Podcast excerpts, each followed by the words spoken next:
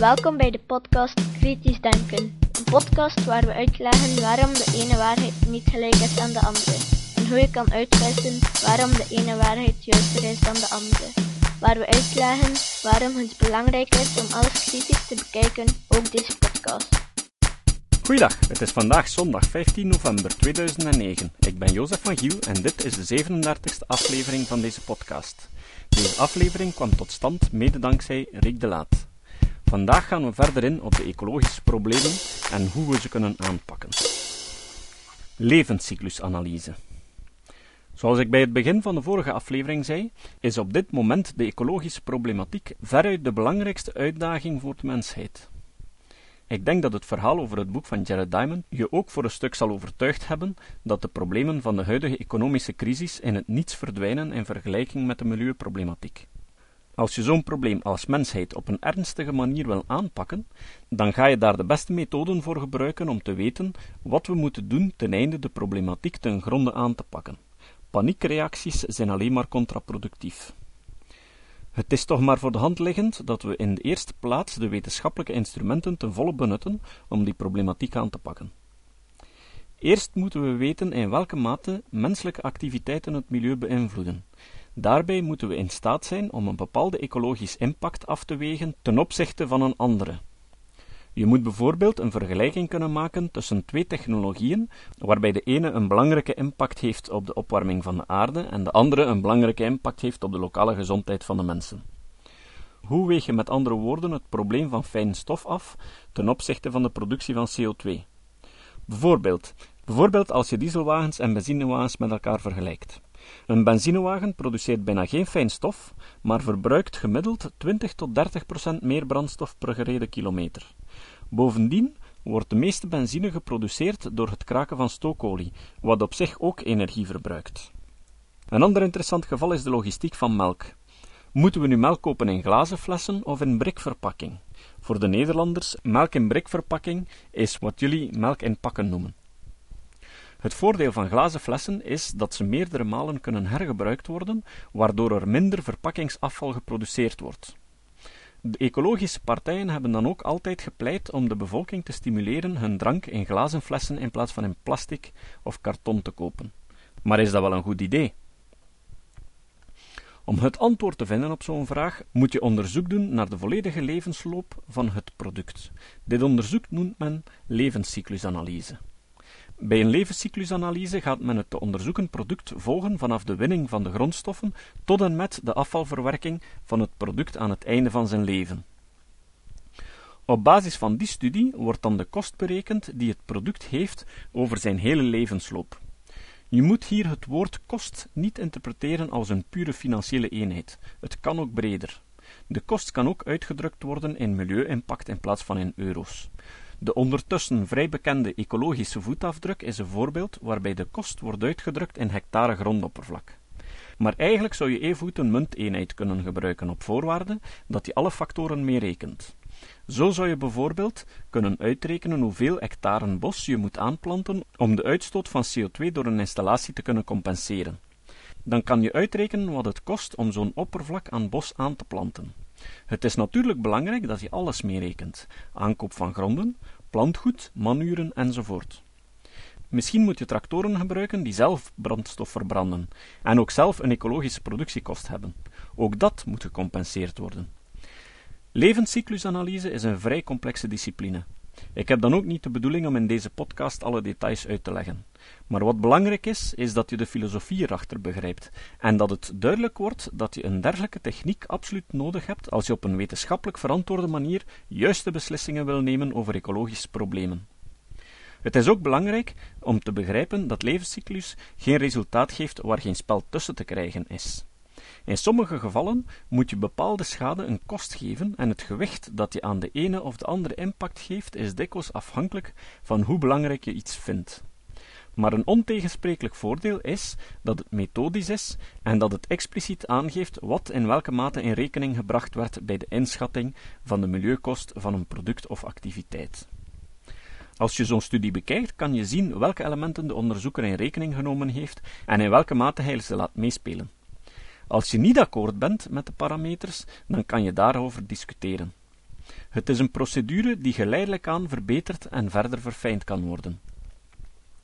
Passen we nu deze ideeën toe op de verpakking van melk, dan komen we tot de volgende feiten. In dit geval moeten we onderzoeken wat de milieukost is om 1 liter melk van bij de boer tot bij de consument te krijgen. Bij de alternatieven die hier spelen, is het duidelijk dat energiebehoefte een overheersende factor is in de berekening van zo'n milieukost. Het blazen van glazen flessen heeft vooral een milieukost door de energiebehoefte. De andere overheersende grondstof is zand, maar dat is ruimschoots voorradig. Bij brik hebben we karton, plastic en aluminium. Plasticverpakking wordt geproduceerd op basis van petroleumderivaten, en we kunnen dus de hoeveelheid petroleum nodig voor de productie van die plastic in energieeenheden uitdrukken. Ook het karton kan je uitdrukken volgens de energie die je nodig hebt om papier te recycleren. Aluminium tenslotte is een grondstof die zeer veel voorkomt op aarde. Meer dan 8% van de aardkorst bestaat uit aluminium en het is het derde meest voorkomende element. Het wordt gezuiverd via elektrolyse, wat dus weer vooral veel elektriciteit verbruikt. Glazen flessen kunnen telkens opnieuw herbruikt worden. De productie van die glazen flessen vraagt wel veel energie en dus uitstoot van CO2 en verbruik van fossiele brandstoffen. Maar die milieukost kunnen we verdelen over de verschillende cycli van hergebruik van die flessen. Het maken van bricks of plastic flessen vraagt veel minder energie, maar ze zijn niet herbruikbaar. Maar glazen flessen zijn zwaar. Het gevolg is dat als je een vrachtwagen op zijn maximumgewicht vult om de melk tot bij de supermarkt te brengen, deze vrachtwagen 40% aan verpakkingsgewicht meeneemt en slechts 60% aan nuttige melk. Als je dezelfde vrachtwagen vult met brik of plastic flessen, dan stijgt het nuttig gewicht tot 98%. Dus als die vrachtwagen met 10 ton geladen wordt, dan zit er in totaal 9800 kilogram melk in de vrachtwagen en 200 kilogram aan verpakking. Diezelfde vrachtwagen vervoert bij glazen flessen slechts 6000 kilogram melk en dus 4000 kilogram verpakking. Dat betekent dus automatisch dat het verbruik van brandstof voor transport van 1 liter melk groter is als je die in glas verpakt hebt dan in brik. Als glazen flessen qua productie voordeliger zijn dan brik, zal je hier dus een kritische afstand tussen het melkbedrijf en de supermarkt kunnen uitrekenen, waarbinnen glazen flessen voordeliger zijn. Maar er zijn nog een aantal elementen die meespelen. Melk in glazen flessen bewaart minder goed, waardoor je regelmatig met bedorven melk te maken hebt. Dat betekent dat die bedorven melk voor niets getransporteerd werd.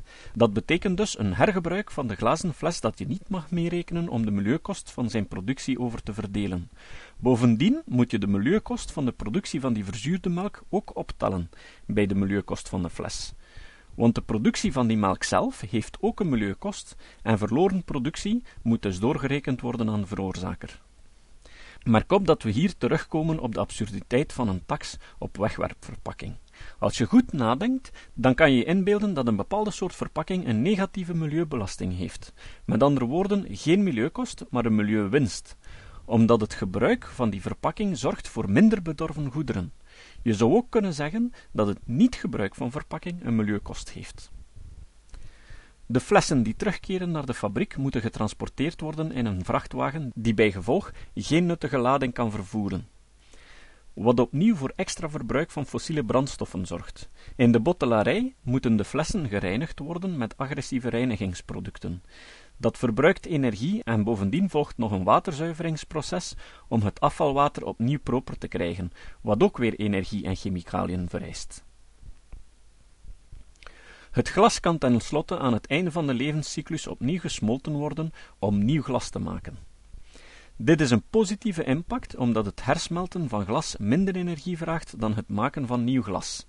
Maar het heeft ook een milieukost. Er wordt nog altijd energie verbruikt om het glas te verzamelen, te transporteren en te smelten. In het geval van brikverpakking wordt het product gemaakt op basis van karton, inkt, aluminiumfolie en plasticfolie. De benodigde energie om dit te produceren is vele malen lager dan voor glazen flessen. Deze verpakking kan maar één keer gebruikt worden, maar door zijn lage gewicht wint het zeer veel dankzij het efficiënte transport. Aan het einde van de levenscyclus gooien we het in een blauwe zak of het containerpark en als je ze goed opplooit kan je er enorm veel kwijt in zo'n zak. En van daaruit worden ze gerecycleerd. En als ze niet gerecycleerd worden, dan gaan ze de verbrandingsoven in. Door hun hoge energetische waarde zijn ze daar in staat om elektriciteit te produceren en zo nog eens een dienst aan de maatschappij te leveren. Je moet eens even je gedachtengang over dergelijk gebruik van plastic omdraaien met behulp van volgende vraag. Wat is er beter? Dat je petroleum oppompt en dan onmiddellijk in een thermische centrale verbrandt om elektriciteit te produceren? Of dat je van petroleum eerst plastic maakt, dat je op allerlei manieren nuttig kan gebruiken om het dan aan het einde van zijn levenscyclus te verbranden en zo alsnog die elektriciteit te produceren die oorspronkelijk van plan was om te produceren. Merk op dat de milieukost om petroleum onmiddellijk te verbranden waarschijnlijk groter zal zijn dan als je het eerst als plastic gebruikt, omdat je in het laatste geval de milieukost over twee levenscycli kan verdelen. Misschien nog een andere interessante opmerking. Twaalf brikken melk met de fiets halen in de supermarkt is doenbaar, maar twaalf glazen flessen? Maar er is een belangrijke opmerking te maken over wegwerpverpakking. Het probleem met wegwerpverpakking is dat veel mensen die term veel te letterlijk interpreteren. Ik woon in een straat waar ook een voetbalplein is. Het is echt verontrustend om te zien hoe dikwijls ik in mijn tuin colablikjes, chipzakjes enzovoort moet verzamelen, omdat men dat allemaal weggooit. Dat soort fenomenen kan je ook in een levenscyclusanalyse in rekening brengen. Je kan mensen op pad sturen om wegwerpverpakking langs de weg te verzamelen. De oogst van zo'n verpakking wordt dan netjes onderzocht. Men bouwt dan statistieken op van welke fractie van dat afval van welk productmerk afkomstig is. Op basis daarvan kunnen dan de producenten proportioneel belast worden om de kosten van de ophalers te betalen. De belasting die daarbij moet gevraagd worden, mag niet gebaseerd zijn op wat er werkelijk opgeraapt werd, maar wel op wat het zou kosten als 100% van het zwerfvuil zou worden opgeraapt. De vrije concurrentie zal er dan voor zorgen dat de producenten manieren gaan vinden om van die kosten af te geraken, zoals bijvoorbeeld inzamelacties organiseren, waarbij de verzamelaars voor elke 100 blikken een cadeaubon krijgen of zo. Op festivals zie je dikwijls dat als je een bepaald aantal plastic bekertjes binnenbrengt, je een gratis drankje of iets dergelijks krijgt. Bovendien wist je dat koffiedrinken uit een plastic bekertje volgens de levenscyclusanalyse een lagere milieu-impact heeft dan koffiedrinken uit een keramische tas. Een groot probleem van zwerfvuil is de bedreiging voor de fauna. Het is alom bekend dat zeevogels dikwijls plastic inslikken, maar wist je dat zeeschildpadden drijvende plastic zakken dikwijls verwarren met hun belangrijkste voedingsbron, kwallen? De gevolgen voor de schildpad zijn dodelijk. Ik denk dus dat de meest effectieve manier om de economie duurzamer te maken erin bestaat dat het product zijn volledige kost moet dragen zoals die berekend is met behulp van een levenscyclusanalyse. Ook de aangehaalde problemen van zwerfvuil kunnen op die manier mee in rekening worden gebracht. Automatisch zullen de ondernemers zoeken naar manieren om die kosten te vermijden. Levenscyclusanalyse is een zeer belangrijk instrument om de juiste beslissingen te nemen voor een duurzaam beleid. Het is ook zeer handig voor het onderzoek naar de beste energievoorziening. In 2001 heb ik een belangrijke verbouwing aan mijn huis laten uitvoeren. Tijdens de voorbereidingen daarvan heb ik een klein onderzoek gedaan om fotovoltaïsche zonnepanelen te installeren. Financieel was dat toen een interessante investering, omdat de staat je toen meer dan 80% van de kosten terugbetaalde. Maar ik wou het doen omwille van de duurzame energie. Maar ik ben toen tot de vaststelling gekomen dat het geen goed idee was, omdat de energiebalans alleen al negatief was. Dat betekent dat de hoeveelheid energie die nodig was om de zonnepanelen te produceren, groter was dan de energie die door zonnepanelen gedurende hun volledige levenscyclus konden geproduceerd worden. Je hielp de natuur daar dus helemaal niet mee, integendeel. De reden hiervoor is de volgende. Om zonnepanelen met een hoog rendement, dus van kristallijn silicium, te produceren, heb je een zeer zuiver silicium nodig. Om dat te bereiken wordt de volgende procedure gevolgd.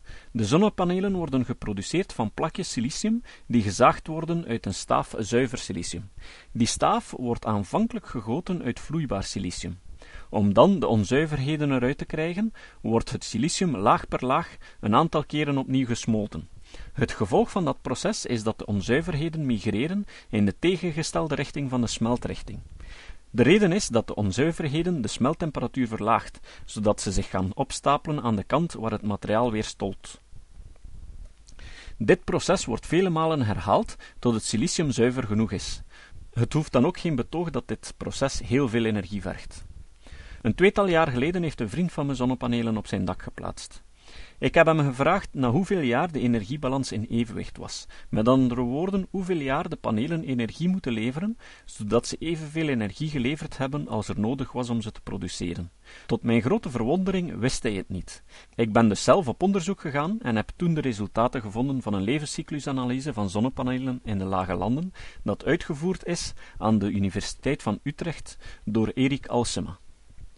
Een mailtje naar deze onderzoeker leverde me onmiddellijk alle nodige informatie op. Ik hang ze in de notities van deze aflevering.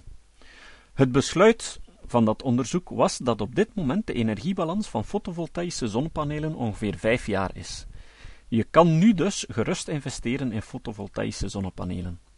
De reden dat de energiebalans nu wel positief is, is dat de industrie verder gezocht heeft naar efficiënte productiemethoden. Maar waarschijnlijk de belangrijkste is dat de plakjes silicium altijd maar dunner geworden zijn. Bij gevolg kon je de energie nodig om de siliciumstaaf te zuiveren over meer plakjes verdelen. Interessant detail: de staaldraad die het mogelijk maakt om zo'n fijne plakjes te snijden is ontwikkeld door een groot West-Vlaams bedrijf. Nog een interessant geval om eventjes bij stil te staan, is het gebruik van ethanol als brandstof. Dat is waarschijnlijk een van de meest absurde oplossingen voor het milieu. Ethanol is eigenlijk niets anders dan alcohol uit alcoholische dranken. Om die te maken moet je suikerrijke producten laten gisten. Bij die gisting krijg je een mengsel van maximaal 12% alcohol en dat voor de rest uit water en restsuikers bestaat. De reden daarvoor is dat alcohol geproduceerd wordt door beestjes die suiker eten en alcohol uitscheiden. Wanneer de 12% bereikt is, sterven de beestjes in hun eigen uitscheiding. Daarom heb je ook nooit wijn of bier van meer dan 12% alcohol, tenzij dat er alcohol aan toegevoegd is, zoals bij Porto. Maar met die wijn kan je geen motor doen draaien, dus moet je op een of andere manier de ethanol van het water zien te scheiden. De meest effectieve manier om dat te doen bestaat erin om de aldus geproduceerde wijn te destilleren. Dat doe je door hem op te warmen. Rond de 80 graden gaat de alcohol koken. Die dampen kan je dan via de distilleerkolom laten afkoelen zodat ze weer condenseren. Dat vraagt enorm veel energie, vooral omdat je het bekomen condensaat nog enkele keren moet destilleren om de nodige zuiverheid te verkrijgen. Als je daarbovenop de energie meerekent die verbruikt werd door de tractoren en om die tractoren te bouwen, om het land te bewerken en te oogsten, en het transport naar de ethanolfabriek, dan kom je snel tot de vaststelling dat de energiebehoefte hoger is dan de energie die je uit de ethanol kan halen. Merk op dat zo'n proces niet per se nutloos is. Voor de destillatie hoef je alleen maar warmte te produceren. Die warmte kan je winnen door materiaal van lage kwaliteit te verbranden dat anders nutloos is. Bijvoorbeeld het loof van de oogst van de suikergewassen, nodig voor de alcoholproductie, of mammoetgras, dat een zeer hoog rendement haalt, maar alleen voor verbranding kan gebruikt worden. Op die manier maak je van een lage energievorm een hogere energievorm. Toch denk ik dat de bovenstaande uitleg duidelijk maakt dat het gebruik van ethanol als vervanger van benzine een absurd idee is. We hebben het er bovendien nog niet over gehad dat ingenomen akkerruimte anders zou kunnen ingericht worden als natuurgebied. Het ligt anders met biodiesel, omdat hier geen distillatieproces aan te pas komt. De olie die gewonnen moet worden, scheidt zich af van het water omdat die olie hydrofoob is. Dat betekent dat het zich niet graag met water mengt. Vandaar dat je eieren nodig hebt om mayonaise te maken. Die spelen bemiddelaar tussen de olie en de azijn. Maar toch moeten we ons heel ernstig de vraag stellen of dat wel de oplossing is. In een serieuze levenscyclusanalyse moet je hier ook de kost meerekenen van de ingepalmde gronden voor de productie van deze oliën. Bovendien moeten we ons de vraag stellen of we dan ook ons huidige consumentengedrag kunnen aanhouden. De voetafdruk van je wagen mag je in dit geval wel heel letterlijk nemen.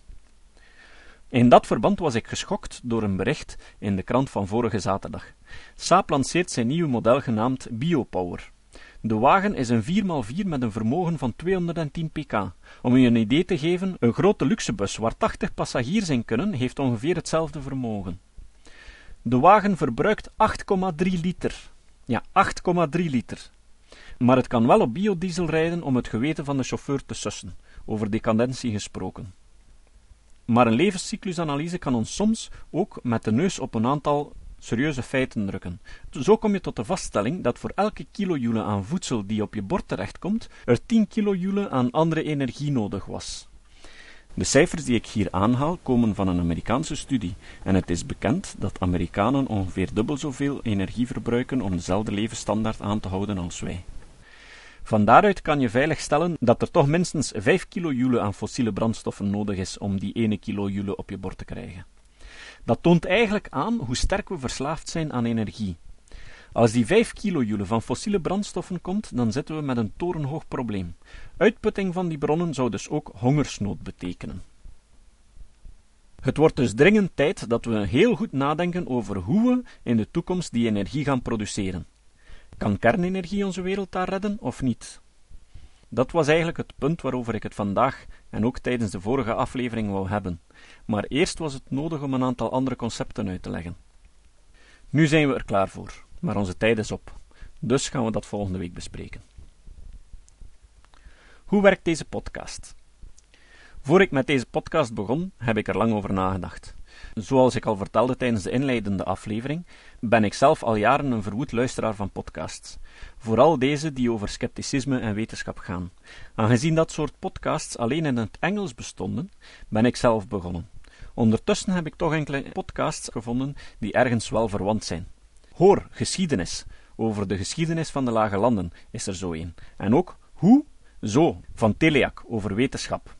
Om een podcast te beginnen moet je in de eerste plaats een aantal ideeën hebben. Dat is het moeilijkste deel, maar er valt niet veel over te zeggen. Als je dat niet hebt, moet je er niet aan beginnen. Meestal schrijf ik de teksten op dinsdag en woensdagavond, zodat ik ze voor donderdag naar Rick kan sturen om na te lezen, correcties aan te brengen en kritische vragen te stellen. Soms maken we ook gebruik van een vertaling van een Engelse tekst en die wordt meestal door Rick vertaald. Om de druk wat te verlagen probeer ik om wat voorsprong te nemen en teksten voor te bereiden voor enkele weken ver.